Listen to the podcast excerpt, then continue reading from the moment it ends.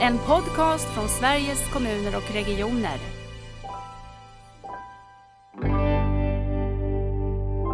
Där jag har ungefär fem kontaktpunkter, och då pratar jag alltså skola och, och socialtjänst och hälso och sjukvård. För lilla syster så har vi ett 40-tal för stora syster.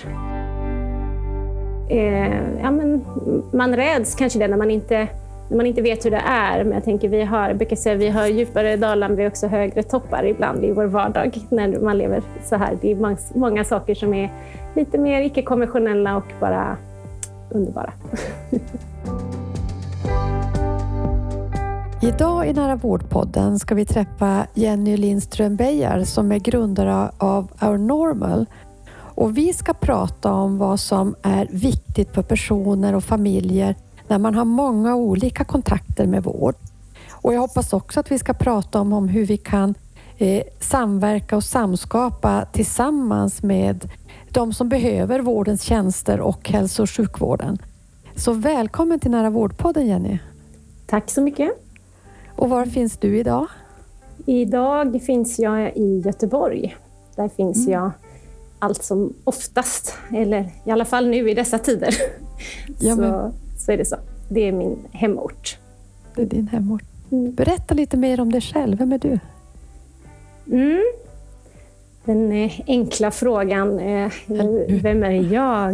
Eh, nej, men jag skulle säga att jag är förändringsledare, social entreprenör som gillar att tänka kring nya idéer och försöka hitta liksom, kreativiteten i, i det jag jobbar med. Ehm, jag har en bakgrund som civilekonom inom mm. marknadsföring och har eh, jobbat som eh, managementkonsult eh, och med förändringsledning i, i, flera år inom bland annat digitalisering och, och hållbarhetsområdet. Mm. Nu jobbar jag inom VGR med digitalisering också, offentlig vård och egenmonitorering. Men det som jag är här och, och och prata för, om i, idag. Och, och mm. anledningen till att jag gör det jag gör kring Our Normal är ju att jag är mamma till eh, två tjejer. En dotter som är nio år och en dotter som är sju år. Och min nioåring föddes med eh, Downs syndrom. Mm. Vilket fick mig att starta organisationen Our Normal Association. Eh, och, och fick mig att eh, det är omedelbart bli övertygad om att jag kommer arbeta för frågor relaterade till hennes och deras framtid från och med mm. den dagen ja, min, min äldsta dotter då föddes. Och sen, så, så det är ju en, en, Ja, vi kommer ju prata vidare om det här. Ja, men precis. Är det därför du också har eh, är i VGR idag? Är det för att du också har sökt och intresserat dig för de här vård och omsorgsfrågorna? Eller hur kommer det sig att du kombinerar ditt eh, eh, engagemang i Our Normal med ditt arbete i VGR? Ja, jag skulle säga mitt engagemang för omställningsfrågor, tror jag. Det jag har mm. sett utifrån... Jag jobbade som eh, eh, managementkonsult eller förändringsledare, eh, så, så handlade det ju mycket om att, att ställa om. Jag jobbade inom eh, mediesektorn med, med digitalisering. Det fanns stora behov för ett ett tiotal år sedan att gå från det fysiska till den eh, digitaliseringen av eh, media. Och här har jag ju sett de stora behoven inom eh, vård och hälsosektorn av omställning. Och en del i det var att jag startade eh, Our Normal eh, några år då efter att när min dotter hade blivit lite äldre. Och det, vi kommer ju prata om det, vilka behov jag mm. jag såg och identifierade där. Och en annan del är just omställningen inom hälso och sjukvård, att jag har sett, eh, och, och kanske också offentlig sektor mycket, eh, som, som har gjort att jag har dragits mig dit och intresserat mig för de här omställningsfrågorna och se vad, på vilket sätt man kan bidra. Ja, men, eh, jag tänkte om man stannar det där med, det var ju intressant det här med omställningen av mediasektorn, för det får man väl säga att där har det också skett en omställning. Ja. Mm, verkligen. Vad tycker du har varit framgångar och vad har varit svårt om du bara får betrakta det så där? Och finns det några likheter med att ställa om offentlig sektor och hälso och sjukvård?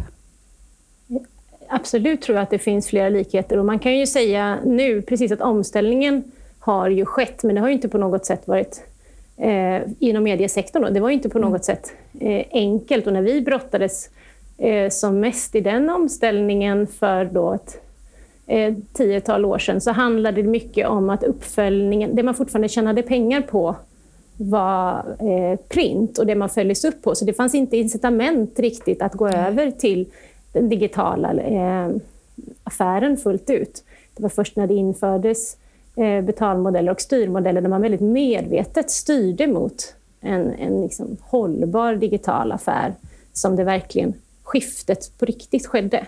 Och jag tror att vården befinner sig ganska mycket där idag när man tänker på, på styr, diskussioner kring styrning och det är tillitsbaserad styrning versus att vi har fortfarande väldigt mycket uppföljning på eh, eh, budgetutfall och, och, och, vad som ses som kanske också framgångsrikt internt, om man gör ett bra mm. resultat eller inte på sin enhet och så vidare. Hur man, eh, så jag tror att där finns det mycket likheter och jag kan se liknande mönster och då kan man väl känna sig lite hoppfull att den här vi kommer komma liksom i mål inom vård och, och, och hälsosektorn kring den här förändringen också. Sen är ju eh, jag ödmjuk inför det om komplexa system som eh, offentlig vård och vård och, och hälso och sjukvård generellt liksom, mm. eh, navigerar i. Det gör att det tar lång tid. När förändringen väl sker så är den stor och har stor påverkan. Men det tar lång tid också att genomföra den. Ja, jätteintressant med, med styrningsperspektivet. Ett annat perspektiv som jag, skulle, som jag tänker i, i min förståelsevärld kring mediasektorn, det är ju att eh, det drevs ju också fram, tänker jag, eh, av en vilja från konsumenten, eller vad man ska säga, att också få sin, eh, eh sin media på nya sätt. Gjorde det inte det, eller är det någon fördom från mig? Nej, men eh, givetvis var det så. Sen var det ju, det fanns ju inte en betalningsvilja i början, så där hade man ju, där hade man ju det här eh, dilemmat, men det fanns ett eh, användartryck från start eh, samtidigt som man behövde då jobba med många fler eh, kanaler. Det gick inte att skifta från print till den digitala, utan man behövde fortfarande ha kvar den väldigt viktiga målgruppen som som ville ha sin papperstidning. Och mm. så är det ju fortfarande idag, men det är ett successivt skifte när man lägger mm. mer och mer fokus på det digitala. Men, men det kom ju eh, väldigt kraftfullt, skulle jag säga, användar eh, trycket på mediasektorn. Och samma sak har vi nu, tror jag, inom hälso och sjukvård. För nu Aha. har man sina eh, smarta eh, klockor eller appar. Eh, alltså, eh, vi invånare har idag en, en mycket hälso data själva och kunskap Verkligen. som man vill bolla med hälso och sjukvården på ett helt annat mm. sätt än vad det var för bara fem år sedan. Mm. Eh. Det ger ju mig hopp om att den kraften verkligen är en så viktig faktor för att det här ska verkligen ske, att vi ska orka göra omställningen. Så det, det tycker jag låter hoppfullt när du säger. Ja, men jag känner mig också hoppfull och samtidigt lite uppgiven ibland för att vi, vi har ett... Eh, vi kanske måste igenom den här perioden av att det är ganska rörigt en tid innan mm. det landar ner. Eh, och jag menar inte att jag är uppgiven men det kan vara lite tröttande och det kan vara ganska jobbigt för oss som, som har väldigt många kontakter inom eh, sjukvården att, eh, eh att behöva vara i det där. Eh, då, då känns det ju bra man kan tänka och tro på att det, det kommer landa ner, eller vad vi ska säga, till sist. Och det är kanske en, en vision och en ambition som också hälso och sjukvården behöver kon, liksom, kommunicera ut till invånarna ja. ibland när det känns ganska jag ska säga, rörigt. Då. Ja, intressant. Det, det tänker jag också. Hur berättar vi att det finns hopp på något sätt att det är på gång en omställning? Mm. Eh, jag tänker om vi, om vi går tillbaka till ditt eh, startande eller grundare av Our Normal. Vad, vad kom det sig av? Hur, och vad är det för någonting? Ja, Our Normal eh, är framförallt en, en kontaktsida för familjer med barn med funktionsvariationer. Så vi har en, en webbplats, eh, www.ournormal.org, där man kan skapa sin kontaktsida för att komma i kontakt med andra eh, familjer. Och helt enkelt för att sänka trösklarna, att hitta ett nätverk och komma i kontakt med andra på ett digitalt sätt det var ju någonting som jag saknade eh, när jag blev förälder själv. Man kände ju ganska tidigt att man ville eh, ta kontakt med andra. Men eh, eh, jag var också, blev lite varnad faktiskt. Googla inte. Den mm. informationen ni hittade där ute kanske inte är aktuell. Eh, liksom, ta det lite eh, försiktigt med att söka information. Ungefär. Och det skapade ju en, en, en viss typ av rädsla kanske att, att, söka information på. Och då såg jag ett behov av att skapa någon typ av landningsplats för familjer i olika skeden i livet när man då får, som förälder får barn med en funktionsvariation. Eller lite, det kan ju vara vid födsel, det kan ju också vara eh, när barnet är flera år och man får besked om, om eh, en diagnos till exempel. Det kan också vara inför att man börjar eh, närma sig skolålder eller förskoleålder, eller sådana här skiften i livet. Man ska mm. flytta eller någonting, man vill börja ta kontakt med andra. Eh, så en, en, landningsplats där vi fokuserar på vardagen så som den är i våra familjer var något som jag eftersökte. Sen har det kommit mer med det här att vi startade det här som en organisation har gjort att vi har kunnat skapa ett nätverk och också bli lite av en samlad röst eh, mm. från våra olika familjer. Så det, det är också en del i arbetet. Eh, eh är, det som en, är det en ideell förening med, ja. med, mm, med styrelse och, och uh, hela den strukturen? Ja, vi är en eh, ideell förening med en styrelse och sen så eh, jobbar vi eh, med att man, man är med på det sättet man vill engagera sig. Det kan vara att eh, engagera sig i sociala medier kring någonting som vi arbetar kring eller frågor vi, vi lyfter just då. Eh, eller som sagt genom att skapa sin kontaktsida och ta kontakt med andra familjer. Vi har lite events, de har ju varit digitala då. Mm. Den senaste det är faktiskt snart två år. Ja, eh, ja. Eh, så att vi skapar... Eh, och på det sättet så är det inte att man behöver bli medlem. Det kan man bli om man vill engagera sig i vårt, vår styrelse. Och på det sättet. Men annars så samarbetar vi med andra medlemsbaserade föreningar också. Det är också viktigt för oss. Hur, hur många är ni?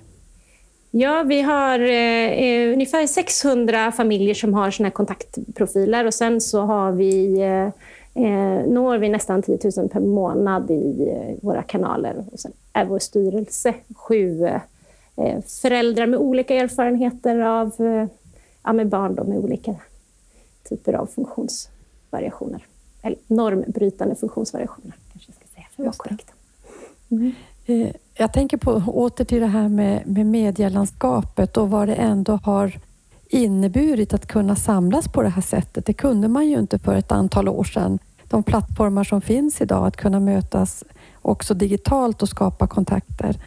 Vad, vad spelar det för roll och, och, eh, och också varför behövs ni? Se, ser du någonting som, som brister som gör att det behövs eller är det så att det är självklart att man behöver ju faktiskt också få möta andra med, med samma eh, funderingar och tankar och utmaningar och glädjeämnen?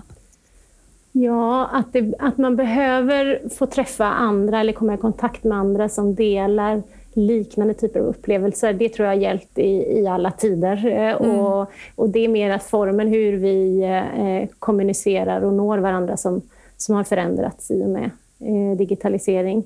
Eh, så där det vi kunde se när vi startade var att det finns väldigt många eh, Facebookgrupper och forum. det kräver en typ av eh, öppenhet och du vet inte, du kommunicerar ut i en stor grupp. Jag skulle säga att de här forumen betyder och har betytt jättemycket för många familjer. De är oerhört värdefulla. Men man kan också förhålla sig på lite olika sätt, så vi ville skapa möjlighet att ta kontakt en och en. För vissa saker mm. man vill kunna dela eller prata om kan ju också vara lite eh, känsligare och kanske inte något man vill dela i, i stor grupp eller stora forum alla gånger. Så det var ju en, en typ av tjänst som vi eh, saknade när vi startade eh, den här sidan. Sen ska jag säga vad som är eh, annorlunda, där vi såg ett annat, ett annat fokus. Vårt fokus är familjefokus.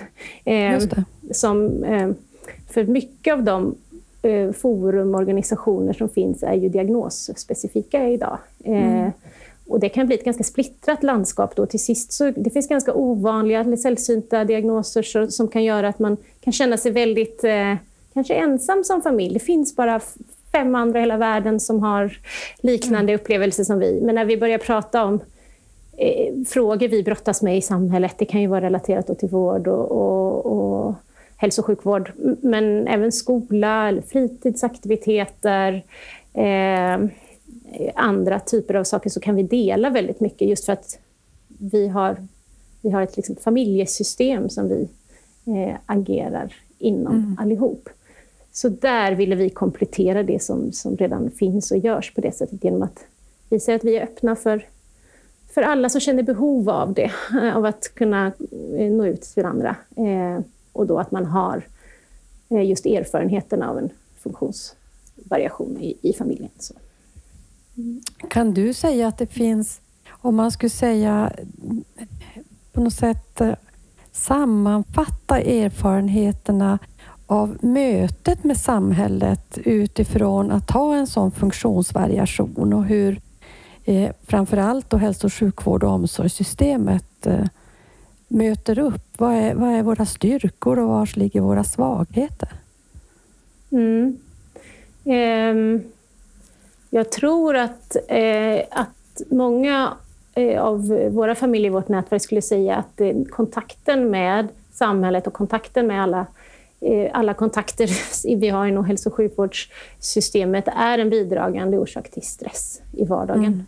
på, på eh, mycket allvarligt plan faktiskt. Att det är så pass eh, omfattande arbete man behöver lägga, lägga ner på att hantera och hålla reda på eh, och möta upp gentemot alla dessa eh, kontakter. Eh, en styrka flera gånger är väl precis kanske i det skedet när man får en eh, besked om en diagnos eller du får, får ett svar. Just då, eh, nu kan jag inte tala för alla, men, men så är min erfarenhet, jag vet att många eh, tycker nog att då finns det lite del av systemet som kickar in. Det hjälper till. Man får en, det kanske finns en, en eh, eh, vårdplan eller det finns någonting att, att förhålla sig till som är systematiserat och, och, bra. Men ganska så snart så börjar det där ebba ut i ett sammelsurium av en uppsjö. Så först har man kanske befunnit sig i ett sökande innan du får reda på något besked. Sen mm. finns en liten fas av en tid när du tror att du kommer in i, i, i något eh, eh, eh ja, det, är en stöttande fas helt enkelt och där möter du upp ganska bra. Men ganska snabbt blir du lämnad som familj rätt ensam igen att navigera i hela den här helheten. Um, och, och, vi gjorde ju en liten uh, karta, det finns i en, en, rapport som heter Värde för vem, en liten mappning över olika kontakter. Och det ser ju väldigt olika ut för, för olika familjer såklart. Uh, men där kunde vi ju, och jag kunde visa på exemplet att jag har, där jag har ungefär fem kontaktpunkter och då pratar jag alltså skola och, och socialtjänst mm. och hälso och sjukvård. För lilla syster så har vi ett 40-tal för stora syster i, i vår familj. Och vi hade, jag tror jag räknade till sex eh, olika kontaktsätt. Alltså om det på vilket Oj. sätt man kommunicerar och, och 12 olika platser att vara på. Och då befinner vi oss ändå i, i en stad som Göteborg, liksom, att vi inte behöver resa så mycket. Um, så att och då ska man försöka dela det på två föräldrar om man vill, mm. om man vill leva lite jämställt i detta. Det är nästan omöjligt. Det är, det, för då ska man också kom, kom, ja, kommunicera sinsemellan hur, hur man sköter de här kontakterna. Kan du inte säga någonting? Vad kan de där kontakterna bestå av? Så blir det mer eh, begripligt för oss som lyssnar. Vilka, ja. Vad är det för kont alla kontakter? Vad kan det vara? Eh, det kan ju vara på eh, eh på habiliteringen, eh, då som vi tillhör barn och ungdomshabiliteringen, så har ju vi eh, olika specialister där. Så det kan vara logoped, mm. det kan vara specialpedagog, arbetsterapeut, sjuksköterska, eh, läkare, eh, psykolog. Mm. På skola specialpedagog, eh, rektor, resurs, eh, lärare Eh, på socialtjänst, handläggare. Eh, det kan vara med eh, Försäkringskassan. Det kan vara med avlösarservice. Mm. Sen har vi en, en faktisk avlösare som stöttar mm. oss i hemmet. Det är vid enstaka insatser, det är regionhabilitering för att göra lite mer eh, riktade insatser. Sen är det pedodonti för specialist eh, munvård. ja, jag kan rabbla här ganska länge. Ja, men- det är ja, men- ortoped, Ja. Eh, det är sömnregistrering på, jag vet inte vem det var ens en gång som gjorde denna, men det är inom specialistvården. Eh, sen är det även eh, barn och ungdomsmedicin, eh, där vi följer det löpande medicinska. Ett tag var vi lite på BUP. Var- ja, ja. Ja, man förstår. Och då har vi inte assist, personlig assistans eller eh, skolskjuts till exempel. Så ett 40-tal kontakter. Det finns ju de som har det dubbla skulle jag säga. Och då, då är det ju... Eh, säga, då, då, då blir det här verkligen ett jobb att hålla ihop alla de här, det kommunicera med dessa kontakter. Och så har man lite känslan att, att ens egna kalender kommer i sista hand. Man får kallelser till olika saker, Mm. olika ställen. Man kan inte liksom rikta på något sätt vilka dagar skulle passa i vår familj. För det hade man ju önskat, att det fanns Ja, något sätt att samla möten och kontakter. Går det att, att ha ett eh, heltidsjobb på sidan om? Det låter ju otroligt eh, tufft. Eh, jag, vill, eh, jag vill inte säga att det eh, inte ska gå att ha ett heltidsjobb. Eh, för det är nog eh, det är ju vårt mål som föräldrar att få ihop den här vardagen. Frågan är kanske vad annat man ger avkall på. Det blir ofta eh, fritid. Eh, och sen kanske man letar efter jobb som, eh, som passar, som ger utrymme för flexibilitet Mm. i vardagen. Men det är också det här som skapar då stressen. Så att det är klart att flera eh, blir också sjukskrivna på grund av den situation som råder. Så är det ju. Det är ett faktum tyvärr. Just det. Idag.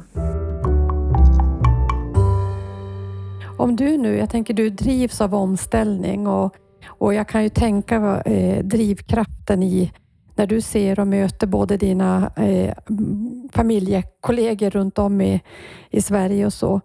Eh, vad, om du skulle måla upp den där bilden av hur du tänker att när vi nu har kommit en bit i den här omställningen, hur ser det ut då? Mm. Jo, men, um, en, en sak, en organisatorisk utmaning som jag funderar mycket kring, vilket gör att jag tycker vården är särskilt eh, komplex, är ju att det inte finns en, en riktig... Jag upplever inte att vi har den här ansvarskedjan när man har väldigt många kontakter. Eh, när vi har en, i vår relation till skolan eller till socialtjänsten så finns det något typ av ansvarskedja där vi kan, ut, ja, vi kan utkräva ett ansvar om vi inte tycker det fungerar.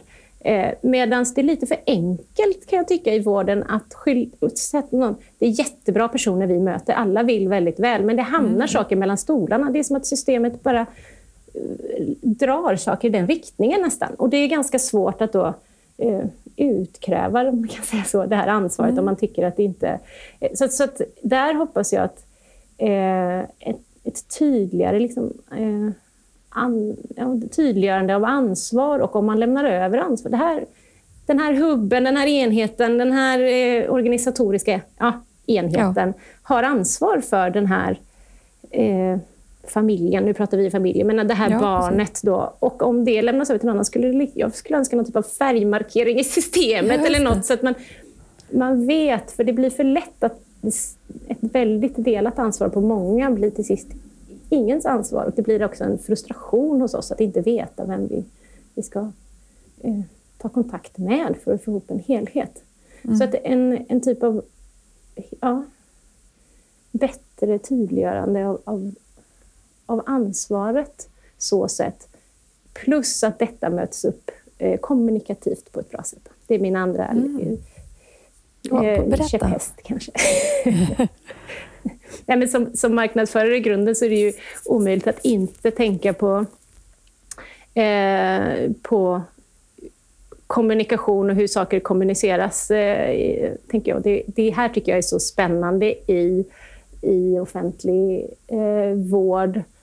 Hur, jag ser att det finns mycket kvar att göra som jag tror skulle underlätta eh, en hel del. Och det är det här att verkligen inte kommunicera rakt inifrån och ut. Nej, Som- just det. så, så att ta nästan på interna arbetsnamn och, och kommunicera dem utåt. För då har man ett maktövertagande i kommunikationen som inte är, är gynnsamt. Det skapar frustration och stress hos, eh, vår, ja, familjerna eh, som är onödig. Och man vill ju inte ens en gång det. För man pratar så mycket om personcentrering ja, och man precis. vill ju sätta patienten i centrum eller användaren i centrum. Så jag tycker det finns en oerhörd medvetenhet och vilja om att jobba på det andra sättet. Samtidigt som man inte är van, man har inte, byggt, man har inte satsat på de kompetenserna.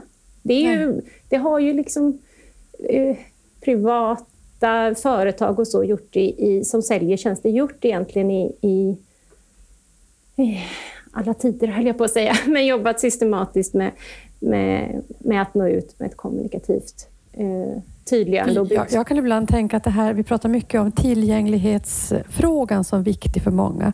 Och då kan jag tänka att jag tror också att där ligger en del av, av den kommunikativa, eh, vad ska jag säga, tillkortakommandet. Att man känner inte att vården är tillgänglig. Man, man känner att den är stängd.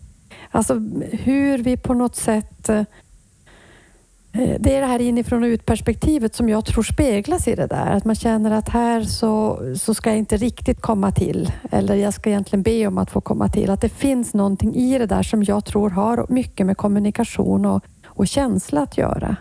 Ja, men jag kan ta exemplet när vi fick första gången en kallelse till pedodontin. Alltså det var, jag jag inte, har ju ingen vårdbakgrund. Jag, jag, visste inte. Då får vi googla. Det var ju nästan så vi blev lite full i skratt, för då hade det börjat komma flera kallelser. Vi visste ju inte vad det här var. Men det är ju egentligen eh, eh, så eh, onödigt att det ska behöva kännas så. För då man hamnar i, i ett läge där man känner sig lite maktlös. Mm.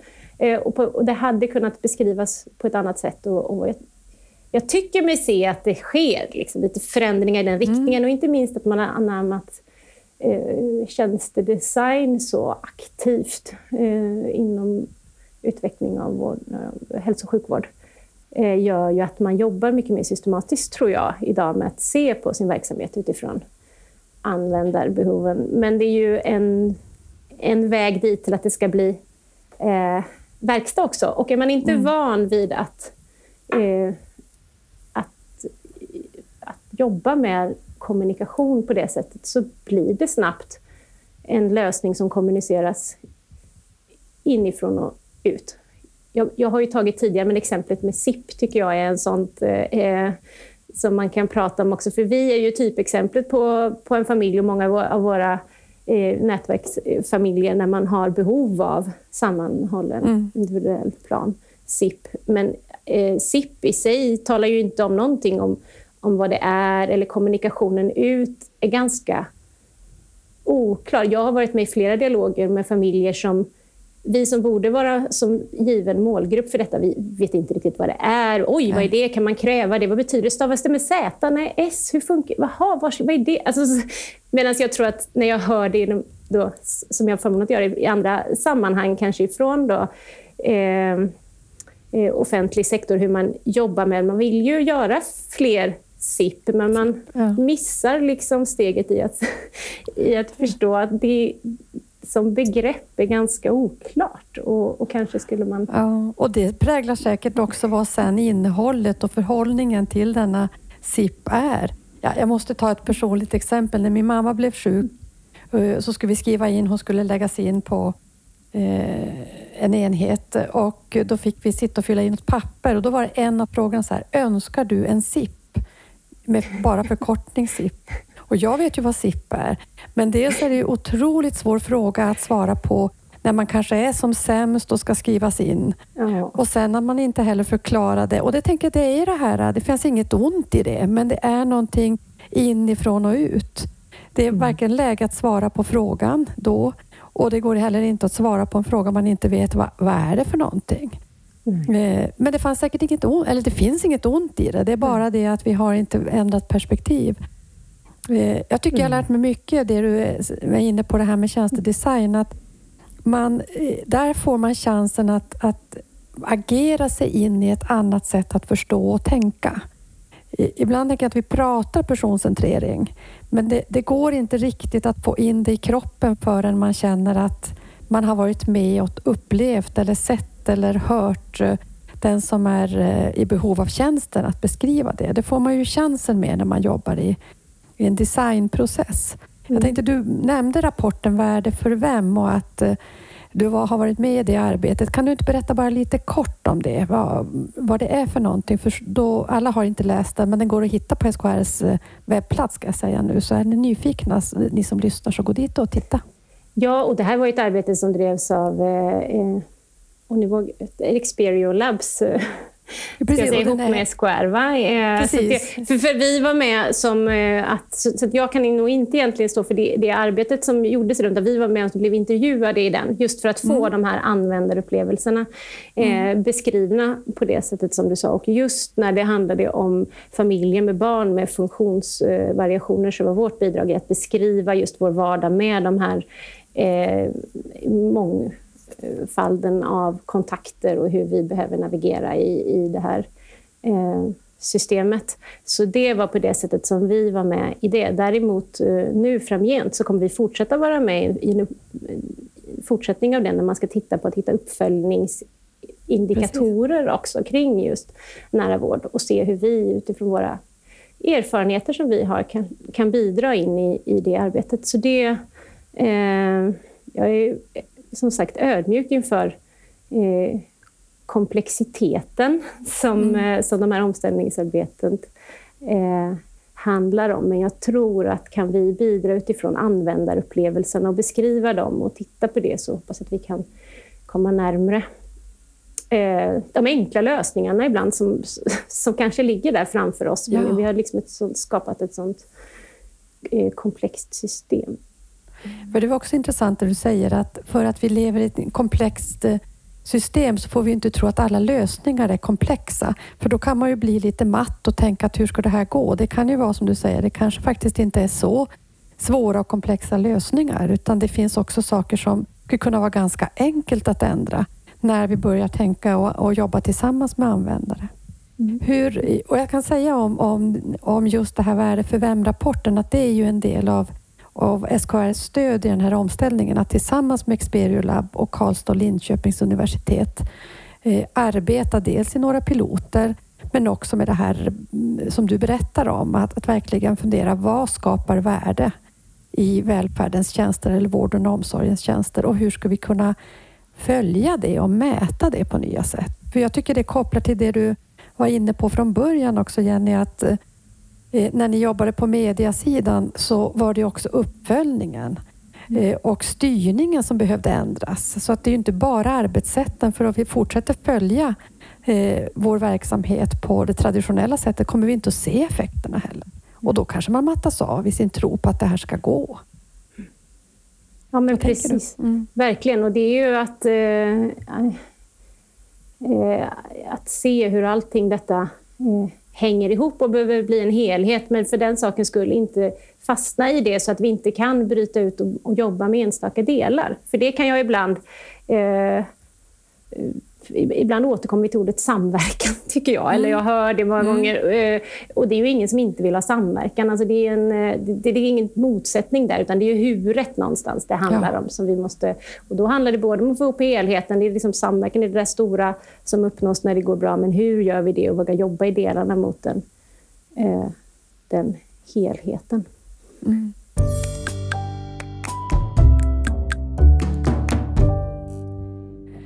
Jag tänker, eh, du har ju då, du finns på VGR, du har eh, Our Normal och eh, hela din erfarenhet, din livserfarenhet. Eh, hur ska vi kunna bli bättre på att jobba ihop med användarna? För det här är någonting som jag hör att många av de som finns nu i nära vårdomställningen i kommuner och regioner, de vill det här, men man vet inte riktigt hur man ska gå tillväga. Det känns stort, det känns svårt, det känns långt bort. Vad, vad tänker du? Är, eh, har du några no, tankar, något tips kring det? Mm. Ja, men just nu så jobbar vi allt mer eh, dedikerat med eh, ett begrepp som heter universell utformning ifrån eh, Our Normal Association, då, eh, när vi bidrar i arbeten in till både eh, privata företag och eh, eh, offentliga organisationer i utvecklings och innovationsprocesser. Eller det kan vara utveckling av en ny tjänst, eller utveckling av en ny miljö eller en produkt. Där jag tror att vi har kommit så pass långt så att användarinvolvering eh, vill och börjar fler och fler kunna arbeta med.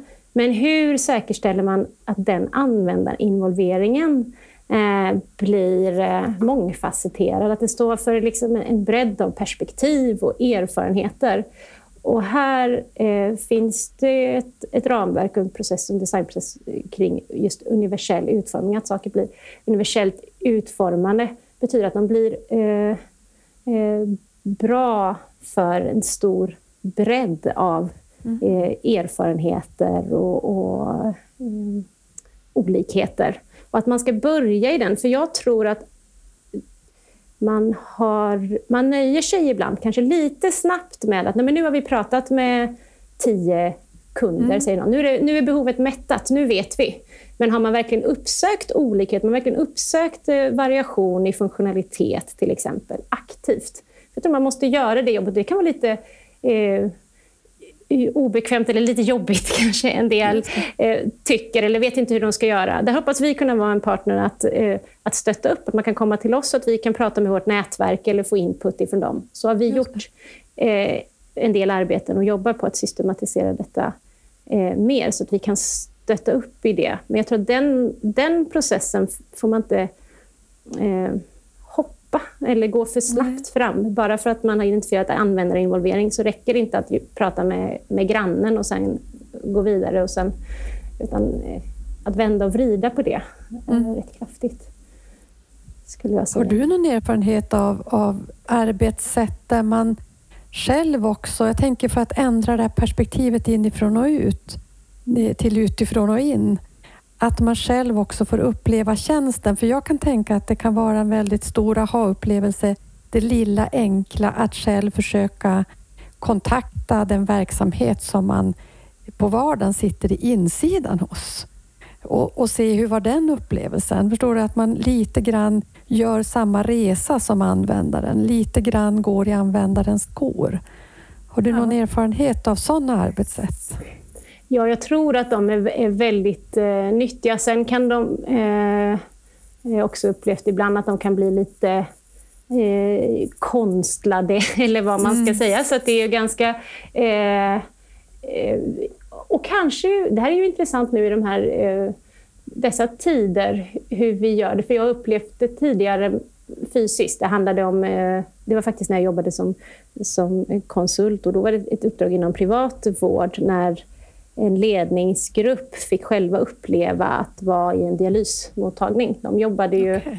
eh, inom dialysvård och att själva göra ett besök fysiskt. Men jag tänker så här, hur kan vi uppleva det här eh, den här känslan av eh, stress i vardagen och många kontakter. Ja. Och, när man gör den på distans så här. Det har jag inte knäckt ännu, men det kanske vi ska klura på. Inse. Hur kan någon få uppleva det? För att, utan att vi bara återberättar det, utan man får uppleva det ja. inifrån. Det hade kanske varit en... Eh, mm, eh, men det ja, finns också sådana här digitala verktyg, till exempel om hur man upplever en webbplats, när vi pratar digital tillgänglighet, mm. som har tagits fram, där man kan få testa på hur det är att uppleva den här sidan om man har kognitiva utmaningar eller eh, dyslexi till exempel. Så, så det finns ju en del sådana här verktyg som har skapats och som ja, kan komma till användning. För det är klart, man vill ju inte heller förenkla så vi bara kan uppleva det som blir på något sätt de här enkla processerna. Eh, utan det som är det riktigt utmanande, det du säger, det här vardagspusslet och hur upplever man, skulle man kunna uppleva det? Och samtidigt finns det ju någonting starkt i att få in det där i maggropen, att mm. nej, men det var faktiskt ganska svårt att tränga igenom och komma fram till den där mottagningen om man inte hade precis tur att ringa på rätt eh, tidsintervall eller vad det nu kan vara. Det kan ju vara något helt annat också. Men, så det, det bor mycket i det där att försöka lära sig förstå någonting från det andra perspektivet. Och sen skulle man ju vilja få alla uppleva i vår vardag när den är härlig och fin också. Tänker jag. Ja, För ibland blir, det här är ju lite, ibland kan det bli mycket. Vi, det är många saker utmanande och problem, man kan problematisera kring det och det måste vi göra för att få till en förändring. Men det är också viktigt, jag vill göra det som ett medskick ändå, att vi har ja. också så många fantastiska stunder som jag tror många kan vara... Eh, ja, men man räds kanske det när man inte när man inte vet hur det är. Men jag tänker vi har, jag brukar säga vi har djupare dalar men vi har också högre toppar ibland i vår vardag när man lever så här. Det är många, många saker som är lite mer icke-konventionella och bara underbara. Ja, så viktigt att du säger det. Tack så mycket, såklart. Jag tänkte Jenny, finns det saker som du skulle vilja att vi tar upp i det här avsnittet som vi inte har varit inne och pratat om? Oj, det, det här är, berör ju ämnen som man kan prata om och jag kan prata om dem länge och det engagerar på så många sätt. Men jag tror att jag, vi har hunnit eh, eh, beröra många av de saker som, som jag tycker att jag har velat eh, ja, väcka tankar kring inom mm. eh, de som kanske nås av den här eh, podden. Jag eh, Mm.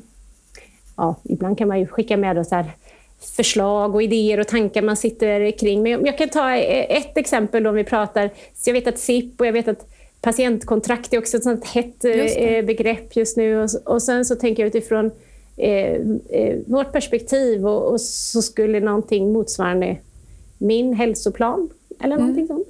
Det tycker jag är det enkla begreppet. Det är det det borde vara. Jag, en SIP eller ett patientkontrakt som rent liksom, eh, ifrån ett familjeperspektiv, förälder, så det resonerar inte med mig. Det kommer inte mig nära. Men skulle Nej. någon sätta sig ner med mig och säga, nu gör vi alltså min dotters då, hälsoplan och vi följer upp den här två gånger per år. Oh. Det är något som jag tänker, ja, men, ja så, här, så här jobbar vi. Då börjar man liksom komma nära varandra och, och, och det utgår ifrån mitt perspektiv. Om jag ska sitta mm. med någon och fylla i en SIP eller ett patientkontrakt så känner jag att de, de har på något sätt ett övertag. Övertaget. Ja, Låt oss kalla det, för jag tänker ur, ur mitt perspektiv, precis det som, eh, som jag tänker att vi vill åt, även om nu namnet patientkontraktet är ju det här vända perspektivet och min hälsoplan. Så låt oss kalla det det då också, ja. så inte namnet stör. För det, eh, jag tror ändå att det skulle kunna vara ett verktyg precis att vända det här perspektivet som du är inne på. Tänk att få den där hälsoplanen, både för din dotter men också för an många andra med andra behov. Ja. Eh, och känna att man har lite eh, också ha ett ägandeskap i den, inte att någon annan äger den. Så ja, för då känner man sig inte heller eh, som en fången i ett system. Eller man säger, det kan bli lite uppgivet i den känslan. Utan att man, sen handlar det om att det verkligen blir eh, aktivitet och verkstad av detta. Och det, det, det finns mycket att prata om. Det är så många olika erfarenheter på olika sätt. Men att vi ja, jag är mån om att börja liksom komma nära det här perspektivskiftet så att, det, eh, ja, så att man kan också ta kontroll över sin egna situation lite mer än hur vi upplever det idag. Som, Just det, för det handlar ju någonstans om, och hälsa är ju också att kunna ha kontroll. Hälsa för en familj eller, och självständigheten som jag ibland tror kan väcka oro, för då tänker man att i självständigheten bor också utelämnandet. Men jag tänker att det är mer makten över att, att eh, kunna få leva ett så bra liv som möjligt med det stöd som man kan få från, från det offentliga då, eller från vård och omsorg. Ja, för jag tycker vi har upplevt det där lite hela spektrum. Att från att komma till, som jag sa, det känns som att man är lite bortdribblad, vi vet inte vad det här handlar om, till att nästan mötas av ett vitt papper. Idag. För jag tror pers personcentrering fick sån också ibland sånt genomslag att en del känner sig lite rädda att komma och rekommendera mm. någonting överhuvudtaget eh, till oss. Och, och, när jag förväntar mig är någonstans Alltså mitt emellan finns en grundplan och en idé och en kompetens här, men vi ska anpassa den och, tillsammans arbeta fram det bästa. Men jag, jag, tycker det har rört sig lite ytterligheter av det vi har mött hittills. Ja. Men det kanske är den här eh, omställningen som pågår just nu. Ja, intressant också. Precis den där sökandet någonstans kanske måste vara i omställningsfasen. Jag tycker det var jätte, jättespännande att eh, få prata med dig och jag tänker att vi får säkert chans att prata på många mm, olika platser tillsammans framåt. Eh, jag skulle vilja avsluta med att eh, ställa den här frågan om vad nära är för dig. Mm. Eh, nära, nära för mig det är enkelt och okomplicerat. Och det är betydelsefullt. Och det är någonting man värnar. Mm. Tack Jenny för att du ville vara med i den här vårdpodden. Tack så jättemycket för att jag fick komma.